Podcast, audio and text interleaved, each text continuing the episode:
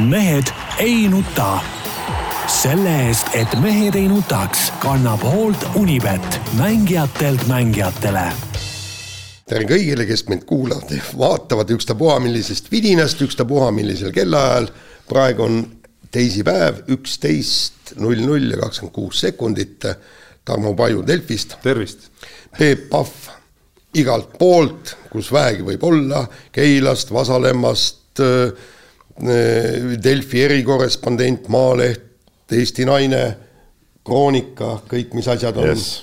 tervist ja Jaan Martinson Delfist, Eesti Päevalehest ja samuti igalt poolt mujalt. vennad siin irvitavad, et mul on. me naerame Jaani lihtsalt, et see on lihtsalt käsitlematu, kuidas Jaan on ikkagi nagu ütleme, täiesti pässistunud, noh, ütleme, ütleme, me oleme Tarmoga soliidsed härrasmehed, eks ju, tuleme siia, võtame kompuutrid laua peal lahti, kõik on siia, siis tuleb Jaan, kakskümmend sekundit enne saate algust kogib kuskilt kulunud teksapükste tagant-taskust välja mingi käkrutatud paberi ja hakkab selle pealt saadet tegema no,. See, ja... no see ei ole nagu realistlik nagu. ei no kuidas ta ei ole, tähendab, mina olen analooginimene. ja sa olla analoog või. Teie olete digiinimesed, noh, lihtsalt nii on. nojah, puänt oli veel see, et äh, sekund enne, see on saate algust leidis ta veel õige hetke, et on vaja veel nina nuusata. no aga mis siis on, ma võin köhida ka, kui tahate ma võin aevastada ja. seda me ei taha, eelmine kord me siin Loinsoo kopsud peaaegu paigast ära, et täna ei hakka seda tegema enam. mis asja, mis kopsud? no kui ma siin kopasin teile selja peal. aa, ja, ja õige, õige. panid mind kõik. ei, seda ei maksa jah. eks siin on, eks siin on äh, nagu mingi elav näide ikkagi sellest, kuidas noh, mõnes mõttes on huvitav veel nagu nii-öelda ümmarguselt kümneaastaste tsüklite kaupa näha siis seda nii-öelda vananemisprotsessi meie saate, saate, saate näitel, et, et ühel hetkel Äh, Jaan, loodetavasti ikkagi hoiad lippu kõrgel ja, ja meie siin ka kõrval ei jää nagu sammu maha kuidagi, et, et. mina olen ülinooruslik. üheksakümmend, kaheksakümmend, seitsekümmend tsüklis võiks, võiks ka ikka eetris. mina olen ikka ülinooruslik. oota, oota. kui ma vaatan kõiki siukse enda vanused, siis kõik on siuksed pässid ja siis, ei no kõik näevad välja nagu mingid pässakad, aga mina olen nagu mees nagu siuke nagu.... aga see on sinu enda selline neutraalne subjektiivne hinnang, kui sa peeglisse vaatad. see on täiesti objektiivne hinnang. täiesti nagu fakt fakt jah. muide, ma just. oled sa mingit tuge ka saanud sellele hinnangule? mul ei ole mingit tuge vaja enda, enda äh, objektiivsetele hinnangutele. muide, äh, tegelikult ma just tahtsin jõuda sinna, et, et Peep on täpselt selle kahe maailma vahel. Äh, vaatasin, kui oli, ma ei mäleta, kuhu ta reisima hakkas loomulikult inimene läheb ja mida ta teeb, ta prindib välja lennupiletid. no, no see on loomulik. no sellepärast, et noh, ta ei usalda digit. ei no seepärast, jumal teab, äkki, äkki mobiil, ma ei tea, ütleb üles, saab tühjaks, alati peab olema paberi peal kaasas, see on loogiline. nii, aga teine asi, ta on ka juba... hotelli broneeringu kinnitus peab olema niimoodi kaasas igaks juhuks. nii, ja, ja teine asi, teine asi. igaks juhuks, kurat, kunagi ei tea ja te, sul on ju arvutis olemas. ei, aga äkki, no mis arvutis hakka seal pusserdama, las ta olla, see paber ei küsi nagu öeldakse. no sellepärast minagi. ja no see, vaat sa tuled siia saatesse, no kõik näevad, ma ei tea, praegu kaamera näitame siia, no see, see on täitsa ropp, noh. see on lihtsalt äh,, mis sa minust näitad, näidake Jaani nüüd, noh. no siukse kägrutatud paber, see on siin laua peal, mingi kortsus. see on väga hea paber. no ei, no see on täitsa hirmus. nii, aga teine no, asi, kus, kus ta juba hakkab nii-öelda kaasaegseks muutuma erinevalt minust et äh, ma, see olime Rootsis, siis ma küsisin, kas ikka pass on kaasas, selle peale ta ütles ei, meil on ID-kaart ja aga vaata, mina olen niisugune vana põlvkonna nime, kas, kas Majakovski kirjutas luuletuse ID-kaartis? ei, õige, õige, aga. kirjutas Nõukogude passist. Nõukogude passist ja nii, aga mina tükk aega mul ID-kaarti üldse ei olnud, kuniks see polnud kohustuslik. sest et mina ei näinud mingit mõtet seda võtta, mul oli pass, igal pool sai reisida sellega, aga lõpuks, kui tekkis vajadus, vaata kui jälle veel ei olnud neid äh, Smart ID-sid ja neid, et oli tarvis vahest midagi allkirjastada, siis ma pidin, võtsin selle digi, selle ID-kaardi ka oota, kuhu me nüüd jõudnud oleme, et me räägime ID-kaardi omamisest kui mingisugusest tohutust digipöördest siin no, nagu näitel. tegemist on nagu digiinimesega. me läksime ajas nagu eh, mingi, mingi perioodi nagu tagasi. ID-kaart, ma juhin tähelepanu, on ikka päris pika eaga juba Eestis. Ei no siis, kui sul oli sam-, mina, ma tõesti mitu korda, mitu seda passitsüklit ei kasutanud seda, milleks?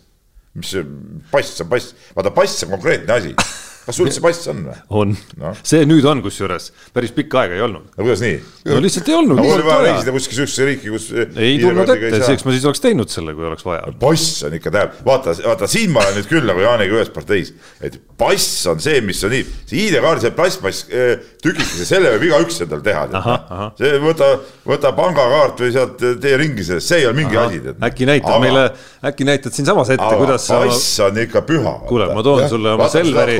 Kui sa tahad nagu kodakondsust loobuda, siis põletad passi ära või vaata, kuidas nad teevad need seal igast eh, siuksed eh, äärmuslased, eks ole. vot see on nagu, kuidas ID-kaarti, mis, kuidas põled, selle põled. ühesõnaga nädala, nädala koduülesandeks jääb ikkagi, et ma annan Peibule oma, ma ei tea, noh, Selveri kliendikaardi kasvõi ja sa näitad, sa ütlesid, igaüks võib teha oh, jah, ja sa näitad, kuidas sa teed see, see, Selveri kliendikaardis, partnerkaardis, ID-kaardis. see plastmassi tükike ei ole, vot tal, tal ei ole nagu mingit pühadust ka juures, aga pass on püha. ei, ma tahtsingi öelda. mul on kõik vanad passid alles ka enda omad loomulikult. ja, ja, ja näiteks kui sa lähed teise riiki, eriti veel noh, näiteks ütleme, lähed kuhugi Venemaale või, või kuhugi sinna, siis vaata, kui uhkelt sa. ei, ei praegu ei lähe. kõikidest maailma riikidest valisid Venemaa, kuhu minna praegu. ei no minu arust sa praegu, ma ei tea, kas Suurbritanniassegi saab minna passita või? Oh, ma ei teagi.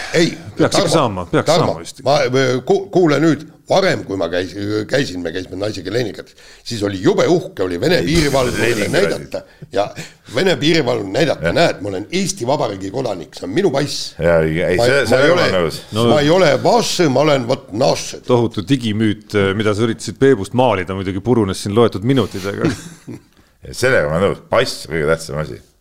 jah, nii on veel aga ma ei võta teda iga kord kaasa, kui ma Euroopas sõidan no nii. kõige õigem on võtta mõlemad kaasa, üks kaob ära, jääb teine alles. see on ka muidugi eh, sihuke hea tarkus. oota, aga seal oli, seal on muidu. Tiia Jaanil on alati kõik võistluste pressikaardid on duubeldatud teise nööriga.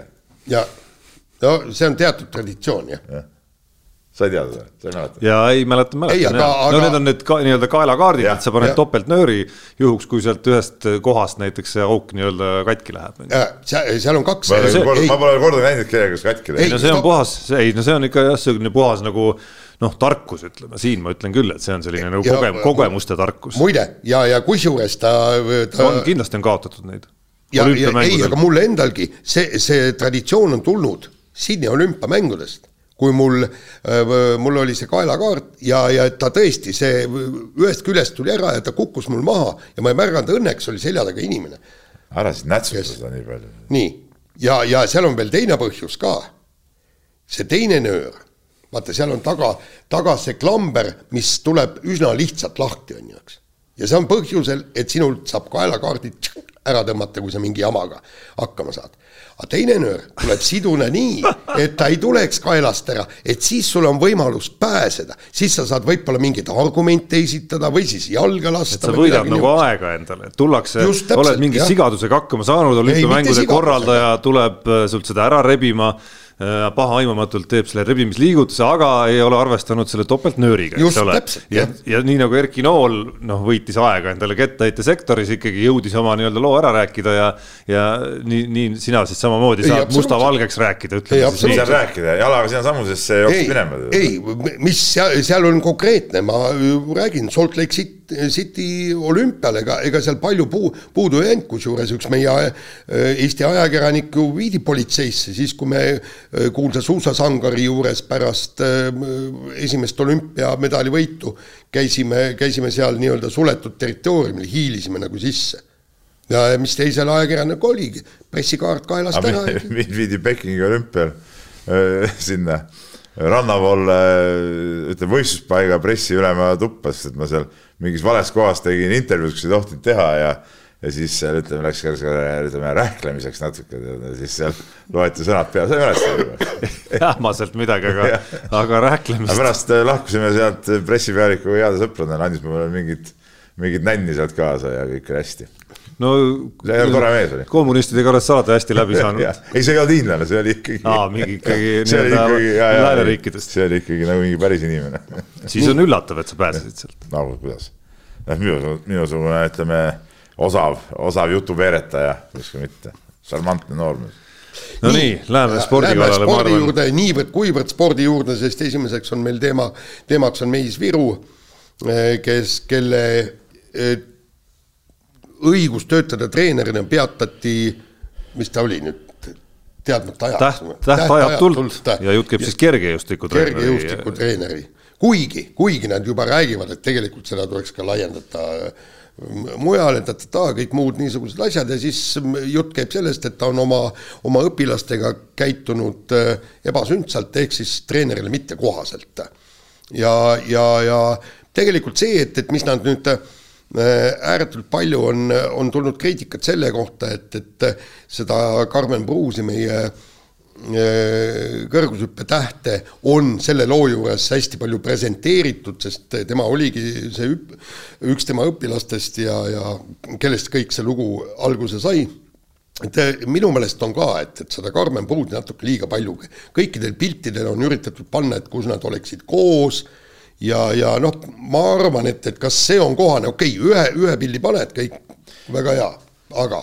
ei no vaata, asi on selles, et see kuna see teema tuli üles nüüd nagu ametlikult lõpuks äh, just seoses Karmen Pruusiga. Noh. sellepärast on ka loomulik, et neid äh, pilte seal kasutati, jah, ütleme nüüd, kui see teema on laienenud, ütleme, kui me täna kirjutame mingi, mingisuguse loo sellest, siis enam ei ole see nii põhjendatud minu arust, selle pildi, ütleme, Karmen Pruusi pildi kasutamine, aga sel hetkel, kui need teemad nagu tulid üles, siis, siis oli otseselt ju Pruusiga äh, Pruusiga U kakskümmend MM-il käimisest ütleme, see lugu pihta hakkas, et, et see oli nagu, nagu loomulik. ja aga mis, mis, mis mulle, mind nagu üllatas, vaat ma ei ole selle kergejõustikuga niivõrd tihedalt seotud olnud ja, ja kõik on see, et tegelikult Eesti ajakirjanduses räägiti ju sellest äh, meis. no Jaan, sa tead, sa ei saa öelda, et sind ei saanud midagi üllatada, sest et sa ise olid neid jutte äh, toimetuses ka kuulnud. ei, ei mind üllatab see, nagu et, et see tuli alles nüüd välja. ei no asi, mis asi tuli välja, noh. Äh, mis Miljan, Mirjam Liimas kandis juba oma intervjuu juba üle kümne aasta tagasi ära. just, aga kergejõustikuliit leidis, et see on okei okay.. aga no ütleme, aga, aga seal, aga seal ei olnud ju mingeid konkreetseid äh, süüdistusi, eks ole, või noh, selles suhtes konkreetseid asju, mille pealt üldse kinni hakata no. ja minu arust, oota, oota, las ma räägin lõpuni. et, et siin on tegelikult päris palju nagu detaile, mille pealt nagu noh, mis minule, minule nagu tunduvad natuke isegi absurdsed, et nende pealt hakatakse midagi uurima. küll aga, olles nagu kursis natuke nende asjadega, mis seal nagu veel tegelikult on toimunud, siis mul noh, siin ei ole midagi arutadagi, eks ole, Meis Viru on, on pahandust teinud ja, ja kõik on õigustatud, aga küll aga ei saa minu arust nagu süüdistada treenerit selles, et ta, et ta, ma ei tea, kuskil võistlusel on, on sportlasega nii-öelda liiga palju koos, mis asi on liiga palju koos, ta, ta tegi kõik selleks, et ta sportlane tuleks maailmameistriks ja, ja tuligi maailmameistriks ja ongi kõik, tead näe. vaata, see, siin on hästi huvitav, tähendab, meil on äh, Tartu Ülikooli ajakirjandusõppejõud äh, Priit Pullerits, kelle blogi ma äh, aeg-ajalt loen ja siis, kui ta kirjeldas, et, et mille põhjal siis seda Meis Viru nüüd süüdi mõisteti. Ja siis ta tõi sealt välja siis selle Läti Kergejõustikuliidu presidendi ei, see on president, see oli lihtsalt delegatsiooni juht. või tege-, delegatsiooni juhi, tähendab, et äh, laused, mis ta andis Eesti ajakirjanduses, eks, et ta oli siis vaadanud seda Carmen Pruusi seal öö, viis minutit pingsal pilgul ja kõik paarikümne sentimeetri kauguselt ja kõik nii ja, ja, ja ta toob seal veel eh, mitmed asjad välja ja küsibki, et noh, et, et kas see on siis keelatud tegevus või mis. aga mind paneb siinkohal imestama, et õppejõud ei oska lugeda teksti ega saa tekstist aru. mida ütles seesama lätlane? ja kõikides intervjuudes ja ühes intervjuus isegi kaks korda, ma tsiteerin, eks, eh, mida tege-, Mikevitši hinnangul oli kahtlane juba see, et nad olid kakskümmend neli seitse koos mis tähendab kakskümmend neli seitse? ei, nad ei olnud kakskümmend neli seitse koos, tähendab selles suhtes, nad ei elanud ühes toas no,. oled sa selles kindel? ei ole muidugi. no kakskümmend neli seitse on selline see on niisugune lihtsalt noh, nagu kõnekeelne väljend natukene ka, mis võib tähendada kakskümmend neli seitset, aga võib ka tähendada üleüldist, et pidevalt on ju, et kuidas seda defineerida. aga, aga, aga vähemalt see, vähemalt minus tekitas see kakskümmend neli seitse kahtlust ja vot siis see, see on nüüd küll süüdistus, okei okay,, kui see ka pole õige, kui see ka pole õige, et nad tõesti ei elanud öö, koos siis on okei okay., aga, aga. ei loomulikult ei elanud, saad aru, võistlustel ei panda keegi, ei panda kunagi niimoodi kokku elama. ohoh, ohoh, ohoh, on hüppemängudelgi ja meil on eh, treenerid ja, ja õpilased koos. mehed ja naised või? jaa, loomulikult. mina küll ei teadnud ühes toas, keegi elanud no, ma tean seda, et isegi, isegi abielupaare on ju pandud eraldi, sellepärast et on meestetoad ja naistetoad ju no ütleme niimoodi, et, et ühe tennisisti puhul me ju käisime seal olümpiakülas, kui omal, omal ajal sai ja siis me küsisime, et need, kes kus toas elavad, siis näidati, et näed, et see tennisist, naistessist elab siis treeneriga kõik kenasti üle, ühes toas ja kõik ja. no see on igatahes arv nõudnud, ütleme kergejõustikukoondises niimoodi asjad ei ei, ei ole igatahes noh, et see, see, see saab üldse valest asjast praegu kinni. et, et see on äh, täitsa, täitsa mõttetu teema, minu arust ma ütlen, mulle tunduvad need mõned süüdistused üldse, mille noh, tõesti nagu imelikud nagu, et mis siis, mis siis on siis nagu, ta on minu õpilane, siis ma olengi temaga koos, ma olengi temaga seal noh no jaa, ma olengi temaga seal, noh. et see on nagu fakt, aga kui ma räägin, ma räägin veel kord, aga, aga noh, ütleme siin on kõik need muud asjad, mis on nagu, äh, on nagu nüüd tänu sellele uurimisele avalikkust tulnud, noh, seal on nagu ütleme, Mehis-Viru, ütleme, süü on nagu, nagu minu jaoks ka nagu selge, eks ole. aga, aga ütleme, need, need detailid, millest räägitakse, mõned asjad nagu küll nagu tunduvad mulle kummalised, nii, noh, nii nagu üldse kogu see, kogu see asi on läinud nagu ütleme sinnamaani, et umbes noh, siin oli hiljuti ju vaata see laskesuusatamise lugu, kus kus nagu tuleb välja, noh, nagu treener ja õpilane nagu ei tohikski ühes autos näiteks kahekesi viibida, no ma ei tea, ma eelmine nädal tulin, tulin Riiast mängult, kell oli kaks öösel, meil oli kaasas ka üks, ma ütlen ausalt, alla kaheksateistaastane noormängija, kelle ma viisin autoga öösel koju, noh, tegelikult ma ei oleks tohtinud seda, seda ütleme nende reeglite järgi ju, ju tegelikult tehagi, eks ole, aga no see on ju, see on ju absurdsus ju tegelikult. noh, koos ja koos noh, on siiski nagu päris suur vahe, on ju, et seesama kirjeldus, mida, mida see lätlanegi kirjeldas seal äh, viis minutit ja ma ei tea, kahekümne sentimeetri kaugusel, noh, ma kujutan ette. ja söödet, söövad, söödavad teineteisele maasikaid. et, et üks asi on see ja teine asi on see, et liigute treeningpaigast võistluspaika kahekesi ühes autos, on ju, et seal on nagu mingisugune vahe nagu olemas ja.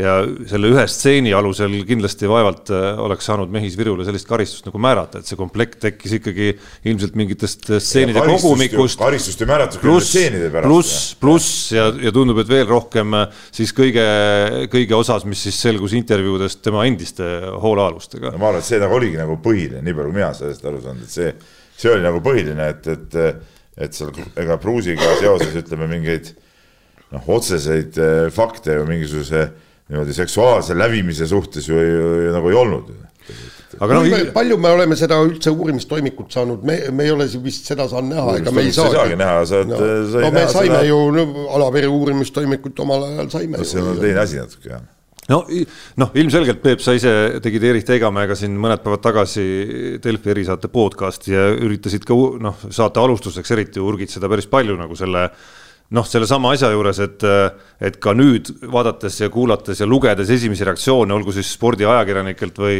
või, või noh, mitmelt kergejõustiku inimeselt või neid samu lauseid, mis on seal nii-öelda uurimisega seotult võetud seal treeneritelt või, või inimestelt, kes on kokku puutunud, noh siis, siis see üldine hõng on seal kogu aeg olnud selle, et noh, et, et asi on kogu aeg tundunud ikkagi nagu kuidagimoodi nagu kahtlane. jaa, ei nõus, nõus, nõus, nõus, nõus. et, et sa üritasid saates ka küsida Erich Teigamäe käest seda, et, et jah, üks asi on nagu uurimine, teine asi on see, et minna lihtsalt reaalselt Mehis Viru juurde ja öelda talle, et kuule, et et, et sa peaksid oma käitumist nii või naamoodi korrigeerima, et, et selliseid kahtlusi sinu kohta üldse nagu õhus ei oleks, on ju. ja see on kergesti inimeste viga, et seda ei ole tehtud, nagu ma aru saan. jah, noh, selge, et siin on noh, ma kahtlustan, et enamik meist ja enamik meie nii-öelda selle nii-öelda kraadi inimestest või nagu ma ütlen, nagu laiuskraadi või, või pikkuskraade on ju, käitub võib-olla mingites nendest teemadest täna oluliselt teadlikumalt, kui ta võib-olla käitus kümme või kakskümmend aastat tagasi, et kuna sellest on nii palju räägitud, me oleme päris palju nagu targemaks saanud, et kus need piirid jooksevad ja millele ja mis signaalidele üldse, üldse reageerida, et kui meenutada siin sedasama intervjuud, mis äh, mida üksteist viitas juba siin äh, Mirjam Liimaski kunagine intervjuu äh, toona Kristi Vahemaa nime kandnud, äh, kandnud Eesti Päevalehe ajakirjanikule, mis ta oli siis kaks tuhat seitse äkki juba, eks. et noh, siis, siis oli seal konkreetselt üks, üks konkreetse stseeni kirjeldus ka ja kui sa võtad selle stseeni kirjelduse, mis on mustvalgel ära trükitud juba, et kuidas ta haaras seal, reageeris sellele, et Mirjam Liimask olevat nii-öelda mõne poisiga seal kuskil käest kinni jalutanud ja siis treener Mehis Viru oli võtnud, haaranud ise hoopis Liimaski käest kinni, et tahab ka tunda, mis tunne on siis käest kinni hoida, on ju, et mingi sihuke stseeni kirjeldus oli seal. et noh, siis see kõlab umbes samasuguse signaalina nagu näiteks see lätlase pöördumine täna vähemalt on ju. aga noh, toona ei pannud see kedagi isegi, isegi õlgu kehitama ja, ja, ja sportlane ise noh, tänaseni ilmselt ei, ei taha neid asju ju, ju, ju päriselt hakata ka nagu avama, et on eluga edasi läinud ja kogu lugu, eks. ja ja, noh, üks teine lugu, mis kuidagi, mis kuidagi meenub ka, on ju Kaia Kanepi elu, eluloo raamat, kus ta räägib nii Silver Karjuse kui Andrei Luskiniga siis seksuaalsetest suhetest ka ja ühel juhul isegi sellisest nagu ühel nendest juhtudest jäi see mulje, et see ei olnudki võib-olla nagu nii kuidas öelda, nagu vastastikusel kokkuleppel või, või kuidagi nii-öelda, nii-öelda nagu selline klassikaline, ma ei tea, kus kaks osapoolt saavad sellest asjast nagu ühtemoodi aru, on ju. ja samas me näeme tänaseni, et seesama üks osapool käib vahel isegi tema mänge kommenteerimas äh, Rahvusringhäälingu stuudios, on ju. et äh, kuidagi me, kuidagi kuskil alles äh, nii-öelda see lugu, mis oli, mis oli, mis ta siis oli, kaks tuhat, see tennisistide lugu oli siis kaks tuhat seitseteist, et, et kas see justkui ühest küljest oluliselt värskem lugu kui see kümne aastat vanem Mirjam Liimaski intervjuu on ka kuidagi nagu veel ajast, kus noh, mulle ei meenu, et ka väga suurt äh, nii-öelda poleemikat või probleemi oleks keegi no, nagu, nagu osanud, osanud, osanud nagu isegi nagu näha. no seal nagu ikkagi seda välja tulnud no,, et midagi vastutahtmist oleks vaja. no see Silver Karjuse no. juhtumi kirjeldus jättis ikkagi nagu treeneri eetika vaatenurgast väga ah, ja mitte ainult treeneri eetika vaatenurgast ikkagi nagu ja. väga kentsaka mulje. aga vaata, seal on teine asi on see, et, et Kaia Kanep oli täiskasvanud naine tol hetkel, aga praegu me räägime, tähendab noh praeguste tema nii-öelda Virumaa õpilaste puhul ikkagi, kes noh, ta on, nad no. nii-öelda. ei, me ei tea seda, kas. ei, aga täiskasvanud naised. ei, praegu küll, eks, aga, aga toona tähendab, vot siin ongi ala. sellest ajast, kui Villem Liimast rääkis, ta oli ka täiskasvanud naine juba jaa, aga, aga praegu Karmen Pruusi puhul, eks, et tema oli seitseteist, kui need sündmused seitsmeteistkümne aastasega, ütleme Eesti seaduste järgi. jaa, ei ma tean. siin ongi see, et, et ma räägin, siin on kaks erinevat asja, üks asi on seadus, teine asi on nüüd see treeneri eh, see eetikakoodeks ja see, ütleme selle vastu, treeneri eetika nendes asjades on nüüd kirjas muidugi, selle vastu rikuti. aga miks ei ole kriminaalasja, ongi sellepärast no, et seal ei ole nagu seda, ütleme kriminaal, kriminaalset tegu ei ole, kuigi, kuigi seal ütleme on võimalik pöörata minu arust kriminaalseks seda äh, oma positsiooni äh, ärakasutamist ära nagu jah, oma, oma seda, seda võimu nagu inimese üle või, või, või seda võimupositsiooni, eks ole.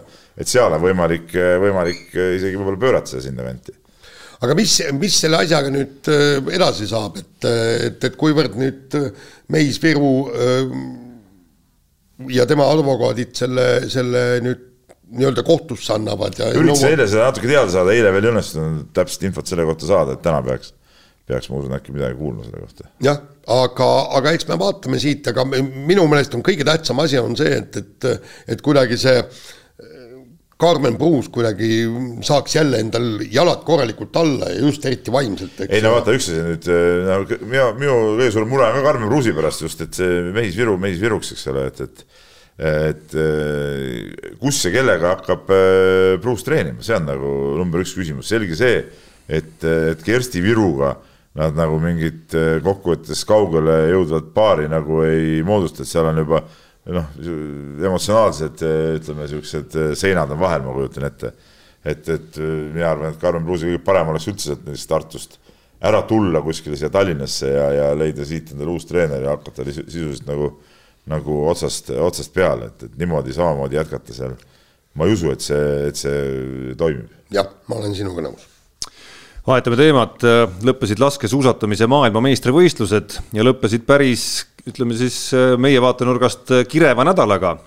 alustades positiivsema poole pealt, siis kahtlemata läheb sinna Tuuli Toominga kuues koht viieteistkümne kilomeetri distantsil, pääs ühisstarti ja, ja kuidagi selline noh, tunne ja, ja, ja ka tema enda kommentaar, mis viitab sellele, et, et see oli päris suur kergendus. no ütleme, see kuues koht oli ikka, ikka noh, pauk selles mõttes, et nad kuuendat kohta tegelikult, kui vaadata. et võistlus selline käik ei ennustanud seda ühestki otsast nagu,. ei, ja teine asi, ka, ka see Eesti laskesuusatamise ajalugu tiitlivõistlustel, kus me peatusime ka eelmises saates, eelmine parim koht oli kaheteistkümnes kaheteistkümnes ja sealt hüpata järsku kuuenda koha peale. et meil on Eveli Saue, kes on MK-l olnud oluliselt äh, edukam kui äh, äh, noh. Toomingas. Toomingas jah, näed, mälu peab all. nii, on olnud MK-sarjas oluliselt mehed, nad on ka võtnud kõrge, kõrgemaid kohti kui, kui Toomingas MK-sarjas aga nad ei ole MM-idel mitte kunagi nii kõrgele pääsenud ja nüüd järsku kõma. ja kusjuures ilusa sõiduga, hea laskmine ja kui sa oled, oled suusarajal neljateistkümnes, väga pro. Ja, ja, ja mis minu jaoks on üks indikaator, kas sportlane, kas sportlane sõidab hästi, on, on just see, et kui ta juhtub laskma nulliga, kas ta võidab medali? Ja antud juhul oleks ta võitnud. Ja ei, see on, see on päris kõva indikaator just see nulliga lastes, et, et mis, kuhu ta siis jõuaks, et see, et üks asi on see laskmine, teine asi ikkagi sa pead suutma sõita ka ja, ja, ja, ja siiamaani on üldiselt Eesti, Eesti need äh, sõitjad saanud oma häid kohti, kui me vaatame siin ka noh, ütleme, võtame siin Tsahkna mõnikord meestest äh, välgatab ja niimoodi, siis laseb nulliga ja siis sõidab umbes sinna kahekümnenda koha piirile, et siis me oleme kõik nagu sillas, eks ole, see näitab, et noh, tegelikult seda, seda sõidukiirust ju ei ole. Et selles suhtes see äh, Tuuli Tominga sõit oli, oli, oli muidugi, muidugi vägev ja, ja noh, ütleme vaata, see MM seda otseselt nagu ei ennustanud, aga kui me vaatame Tuuli Tominga ütleme niimoodi läbi aastate tegutsemist, siis äh, tegelikult noh, ta tase oli selline, et vaata laskesuusatamises mingi hetk saavad need sähvatused nagu tulla, ütleme, seal peavad mingid asjaolud ka kokku hästi langema ja, ja see päev oli see päev, kui sähvatus tal tuli. Ja, ja ongi väga hästi. Ja see näitab et tema baastase on olemas ja, ja tegelikult ma arvan, et ei ole isegi võimatu, et, et mingil päeval mingid asjaolude kokkusattumisel võib ta ka esikolmikus olla. ei no need asjaolud olid kandikul sellel päeval olemas, eks, et hea suus ka ja, ja tal ei tulnud see ju ideaalse võistlusena justkui, just nagu laskmist silmas pidades, et ma ise võistlust otse ei näinud, kusjuures äh, olin seal kinni paari üritusega ja siis ühel hetkel ühel sellel samal üritusel koosolekuruumis ekraanil manasime Delfi avalehe ette ja siis nägin, et ohoh kuues koht, no siis läksin kohe vaatama, mõtlesin peas, et no nüüd pidi küll mingisugune mega laskepäev olema, et kindlasti nulliga lasi ja siis õnnestus distantsil see asi kätte saada, mis ja see ootus või arvamus tulenes või eelarvamus tulenes siis MM-i eelnevatest sõitudest ja. lihtsalt, mis, mis pani meid ka küsima siin nädal tagasi, et, et kas ikkagi noh, ei ole suudetud kõige paremini ja kõige oskuslikumalt siis selleks MM-iks oma, oma vormi rihtida. aga nagu näha, siis vastupidi, oli osatud küll, et, et kui hooaja kontekstis isegi vaatad, siis neid sõite, kus ta on suutnud noh, enam-vähem sarnasel tasemel olla, on, on olnud nagu varem ka, et selles mõttes see võib-olla kõige üllatavam ei olnud. lihtsalt see MM-i algus pettis nagu halvas mõttes, äh, halvas mõttes ära. ja aga see ühistardis sõit, no see, see oli ju ka täielik triller. no loomulikult noh, seda ju vaatad ise ja kõik, kui pärast teist tiiru ta läheb neljandana minema. vaata, see on nüüd asi, mida ma nii üle ei tähtsustaks, sest et et laskesuusatamises tihti näeme, kuidas ma ei tea, peale esimest teist tiiru on äh, mingid sportlased seal ees, kas isegi mingid teatevõistkondade ees, aga lõpuks nad ikkagi kukuvad sinna oma koha peale, ma arvan, et see kahekümnes koht, mis äh, Toomi, Tuuli Toominga pärast tuli oligi see objektiivne koht nagu tegelikult sellest seltskonnast. jah, aga kas seal see, oli tal no, võimalus? see tuleb see spordiala nagu siuksest ähm,, kuidas ma ütlen äh,, noh, nagu vaatemängulisusest või, või ütleme seal ootamatust pööretest lihtsalt tulebki see, et ta oli seal neljas ja see oligi vägev ja tõi korraks emotsiooni üles, aga ütleme noh, ütleme see nüüd öelda, et oh, et nüüd ta oligi nagu medalimängus, no ega ta. ei, ei, ma ei, ma ei räägi, et tal oli medal, medalimängus, aga ma räägin seda, et kas sel distantsil oli tal võimalus täpselt no, nii. alati võimalus, kui lähed starti, sul on alati võimalus. ei ole, nendel ei alati ole. Nendel, kes sõidavad aeglaselt, neil ei ole võimalust. ja et kes ikkagi on maailma viiekümnes või seitsmekümnes sõitja, noh, tal tegelikult ei, selles, selles... ja, ja, aga noh, kes on sõiduaegadelt nii kehv, noh, tal ei ole ka seal massstardis tegelikult varianti, et ta võib massstarti pääseda maailma viiekümnenda või kuuekümnenda sõiduajaga, kui tal väga hästi õnnestuvad laskmised, aga, aga massstardis no väga mingisugune kõva laskmisloterii peab olema, kus sa tõmbad sealt midagi välja. aga see on võimalik. aga noh, teoorias on see jah nagu võimalik, et jah, mis mulle endale tundub, noh edasi vaadates ka ja kuulates neid kommentaare, mida, mida Tuuli Toomingas ise on, ise on ka rääkinud hästi palju, et, et et nüüd, kui sõidukiirus, noh, tundub, et natuke nagu Kristjan Ilvese case, kus, kus on olnud vaja ja, ja on vaja sõidukiirus nagu mingile nivoole jõuda, et anda endale noh, kasvõi siis poodiumi, poodiumi eeldused ikkagi, nii et see ei oleks mingisugune ükskord sajandis loterii, eh, tänu millele sa nii kaugele võiksid jõuda. aga et see, mille kallal eh, lisaks suusakiiruse veelgi enam arendamisele peaks eh, ilmselt keskenduma vaeva nägema, on just see laskmise nagu see psühholoogiline pool. et kui te mäletate sedasama distantsi kuuenda koha järel, siis ta ju viimase tiiru läbis nulliga ja mida ta ise ütles selle kohta, ütles, et äh, sain pingevabalt lasta, sellepärast et teadsin, et medalimängus ma enam ei ole. et noh, sealt kumab natukene see, et oleks veel medalimängus olnud, et kas siis oleks, siis oleks viis trahvi tulnud sealt või et, et noh, sellist, kui sa kuuled neid kommentaare, siis on seal tihti, et noh, kuidagi nagu ta räägib endast kuidagi nagu väga negatiivselt, ütleme siis niimoodi. ja minu arust see kommentaar, mis ta seal just ühistardi järel äh, sihukeses nagu pingevabaduses natukene tundus, et rääkis äh, sellest, kuidas, kuidas see nagu äkki võttis mingi nagu koorma maha, et see nagu ootus mingisuguse nagu äh, suurema õnnestumise järele oli kuskil kuklas nagu nii suur, et, et ilmselt mõjutas ka lõpuks seda, et, et, et ma suudaksin seal lasketiirus siis tõesti noh, mitte mõelda mitte millelegi. et ma kujutan ette, kui raske see nagu praktikas tegelikult on, kui sul kõrval ka on laskjad ja siis sul on see ootused iseendale ja, ja, ja justkui nagu mõte, noh, me näeme, kuidas kõige kõvemad tipud, Johannes Tingnes-Pöö eksis ju ühistardi viimasel lasul, on ju. et, et kui raske on nagu lülitada kõik need, kõik need nagu asjad peast välja nendel hetkedel. just, aga selle öö fenomen, üks fenomenidest peitubki selles, et tema suutvat äh, välja lülitada kõik selle publiku kõikvõimaliku medali ja kõik no ta on eksinud ju viimast tiirust päris palju. sa saad aru, ega eksid sa niikuinii tähendab, eksid sa niikuinii ja. ja seda ja... enam, et nad ajavad ju selle, nad on ajanud äh, selle laskekiiruse ja. ja selle... kui sa mõtled selle meeste ühistardi, see, see viimase nagu automaadis panid. ja, ja täpselt noh, aga, aga, aga saad aru ja see ongi hämmastav, ta läheb teadlikult riskima, et mul on kaks võimalust, kas ma lasen automaadist kõik need viis märki alla või ma ei võida medalit, eks, ja nad lähevad puhtalt selle peale riskima ja, ja, ja vot see on nüüd siis see, eks, mis jääb Tuuli Toomingel ja ma arvan, et ka paljudel teistel meie laskesuusatajatel puudu, aga ma ei tea, kas on võimalik nii palju trenni teha, et sa jõuad niisuguse automaatsuseni või ei ole? Aga teine teema kogu selle laskesuusa MM-i viimase nädala juures kahtlemata on see, mis toimus, see oli siis meeste distantsi eel ja, ja järel ja ka, ja sellele järgnenud päevadel Eesti, Eesti koondise ümber, ehk et ühel hetkel leidsime ennast olukorrast, kus koondise peatreener Fjodor Svoboda ja, ja koondise liige Robert Heldna avalikult põhimõtteliselt siis MM-i ajal peavad, peavad teineteise vastu sõnasõda, mis ei tundu kuskilt otsast normaalne olukord. no minu arust see on pseudoprobleem, kui koondise peatreener ja, ja siis koondise kõige viimane number ütleme nende mingist sõnasõjast üldse väga suurt aplaavat nii-öelda teha, et, et et noh, see on mõttetu jutt, et seal ikka treener otsustab, kes sõidab ja, ja siin ei ole midagi, midagi üldse arutada no,. samas, samas, samas, ei, ei, küsimus, kas, kas saab olla olukord, kus tund enne starti ei ole selge, kes starti läheb, see ei tundu, ei kõla kuskilt otsast ei, ju normaalne ja loogiline. ei no see jada, Robert Helna ju kriitika algas sellest, et. see oli see oli stardi eel hakati veel tund enne ülesandmistähtaega. mitte tund enne starti. see on eelmine päev. eelmine päev ikka ah,. okei okei okay.. ei, aga tähendab, mis, mis minu jaoks oli tõesti äh, jällegi kummaline.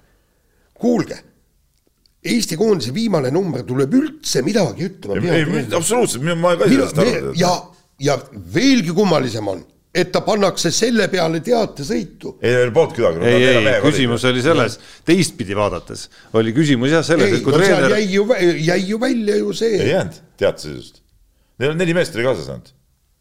ei, siis käis jutt sellest äh, või distantsist. ei, distantsist. ei, küsimus oligi selles, et, et kui treener aga... oli sisimas, tahtis panna sinna hoopis teist meest, et miks ta siis lõpuks selle, selle nii-öelda stseeni no, peale vaata, vaata. siis pani Robert Helme sinna.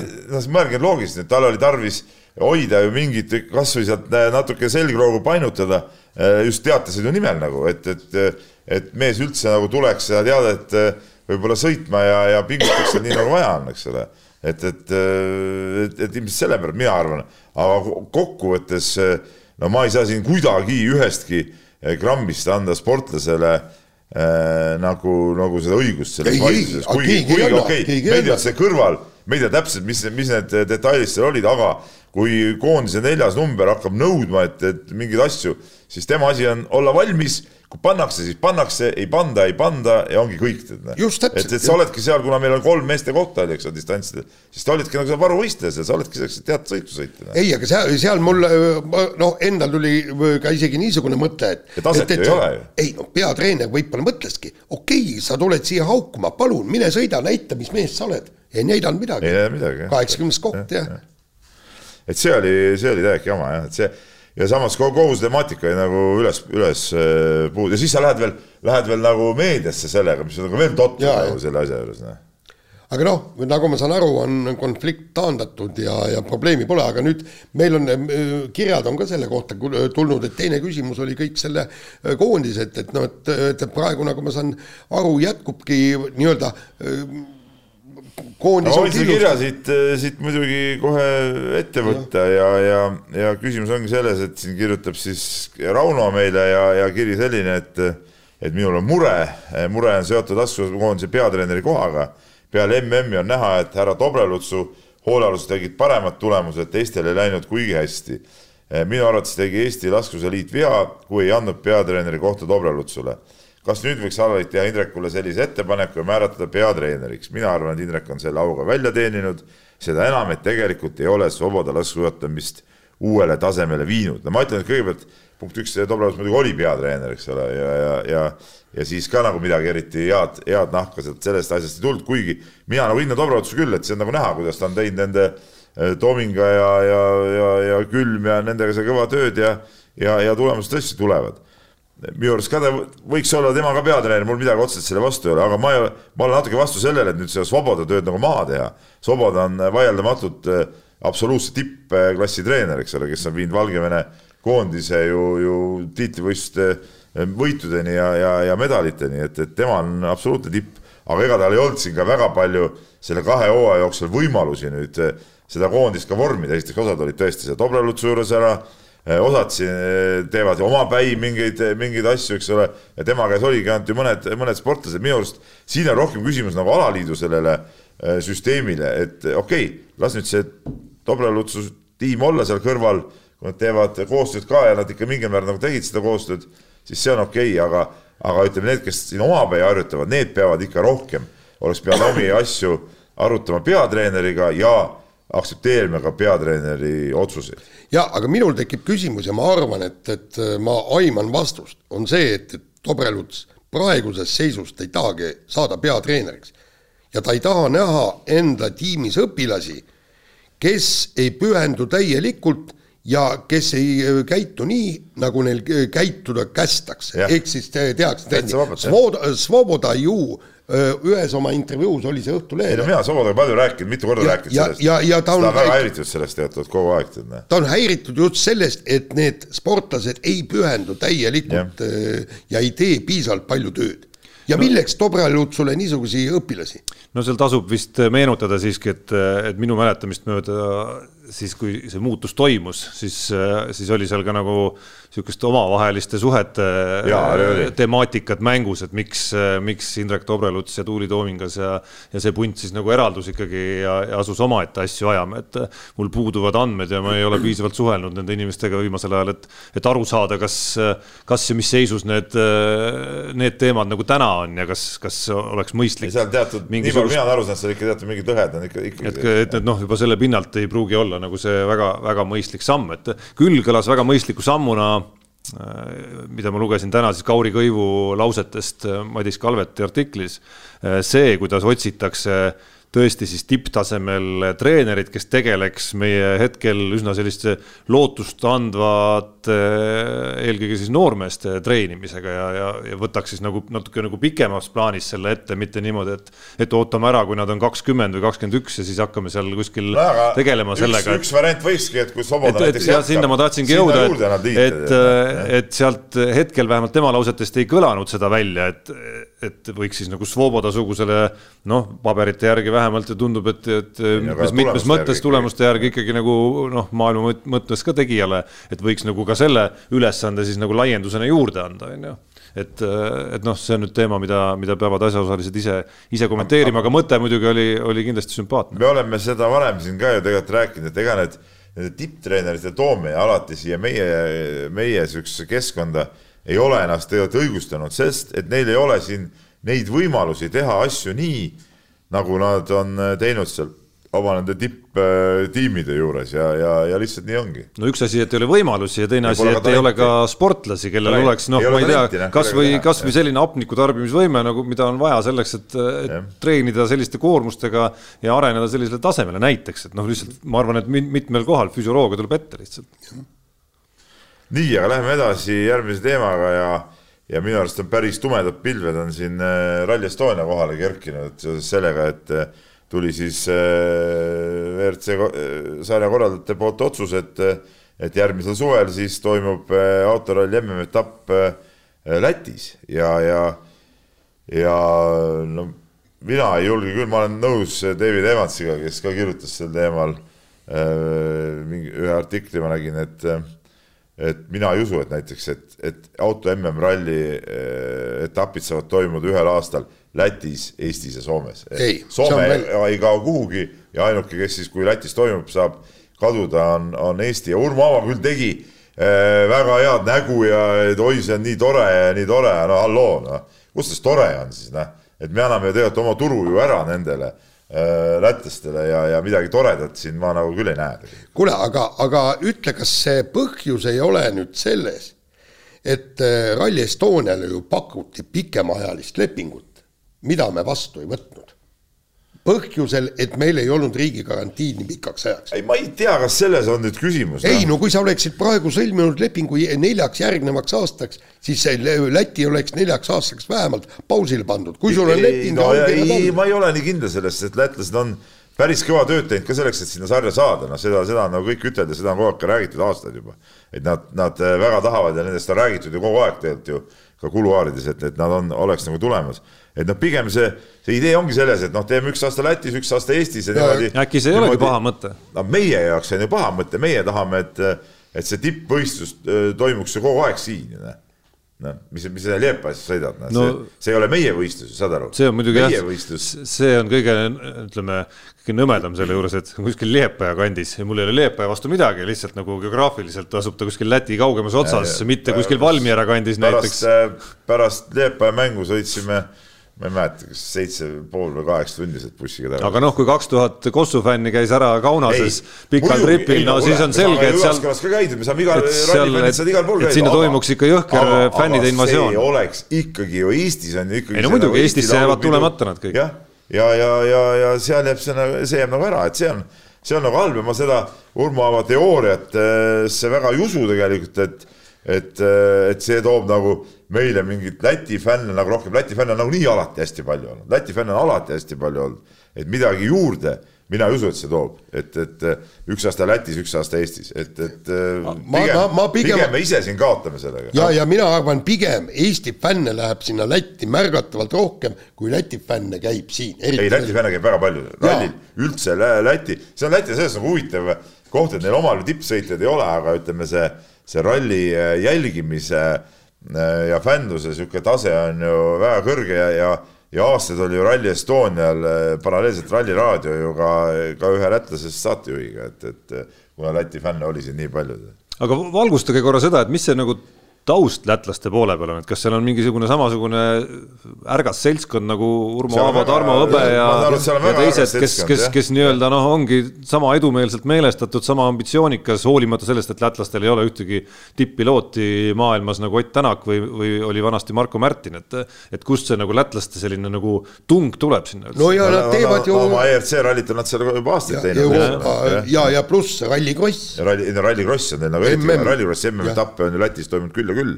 Äh, see aasta ja, nüüd ja, vist ei, ei olnud või, või nüüd ei tule, aga muidu on palju olnud ja, ja see ralli korraldajad pidid olema iseenesest seal ka väga siuksed, ütleme kaasaegsed oma asjadega, et kui me näeme, noh, Jaaniga oleme käinud igasugustel rallidel mõnes kohas, noh, noh, kuigi nagu, nagu ütleme, meie töö mõttes näiteks või, või mõtle ka ralli vaatajate suhtes, noh, kas need kõik need äh, imevidinad ja, ja mingid äh, edumeelsuse näitajad nüüd nii olulised on, kõige olulisem on see, et see auto seal tee peal tegelikult sõidaks kiiresti ja, ja oleks ägedad, ägedad rajad ja, ja pääseks sinna ligi ja, ja, ja see on, see on nagu põhiline, aga noh, eks seda ütleme, võib-olla korraldajad ja, ja, ja see WRC ja WRC promootor, need vaatavad muidugi neid muid detaile ka, mis ütleme, publiku jaoks jäävad natuke kaugeks. jah, aga, aga ühte ma loodan, et isegi juhul, kui nüüd öö, Rally Estoniat ei toimu kaks tuhat kakskümmend neli. toimub, ta toimub WRC etapina, oli ju. ja ei, seda küll, et ei läheks kahe riigi vahel ülemaksmiseks, et promootor ütleb davai, kumb rohkem maksab, saab etapi endale. nojah seda, seda hästi ei usu ka, et siin ega siin ei ühel ega teisel riigil pole nüüd ülemmäära suuri võimalusi selle jaoks, et üle maksta neid asju. Nii, aga võtame järgmise teema, räägime kergejõustikust taas, aga räägime nüüd sportlikust poolest ja kergejõustiku Eestis sisemeistrivõistlused toimusid.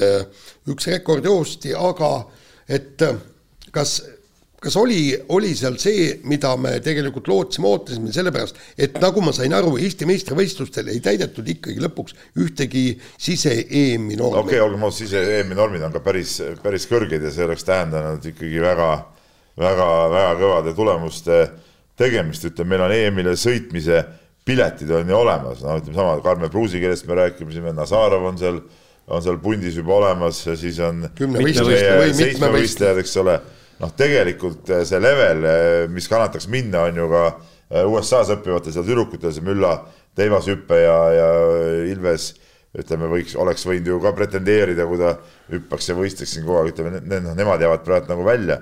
Et, et võib-olla see üldpilt nüüd nii hull ei ole, meil on mõned sportlased praegu joone all ka, kes veel ootavad oma võimalust, et et ähm, jah, no muidugi oleks võinud mõni vägevam pauk veel tulla, aga no üks Eesti rekord, Diana Suumani rekord on ju tegelikult. no oli ikka päris korralik. väga korralik parandus, väga korralik parandus ja, ja, ja, ja mis mulle tema juures nagu väga ka meeldib, ongi see, et, et ta on ikkagi, kuidas ma ütlen, siukse pikaajalise visa, visatöö äh, vili, et, et ta on äh, õppimise ja, ja arstiks olemise kõrvalt nagu teinud, teinud, teinud ja, ja ütleme, jõudnud nüüd ütleme kahekümnendate teises pooles ütleme selle tasemele, et, et pürgida ja noh, ta on siin käinud ka tiitlivõistlustel juba et, et see on nagu äge tegelikult. jah, aga, aga, aga mis, mis minu jaoks on jällegi, täna on neid kummalisi asju minu puhul hästi palju, on see, et. no sinu puhul ei ole, noh, sa oledki siis kummaline asi. ja, et see, et, et kui me vaatame, et kes kõik üritasid sinna EM-ile minna,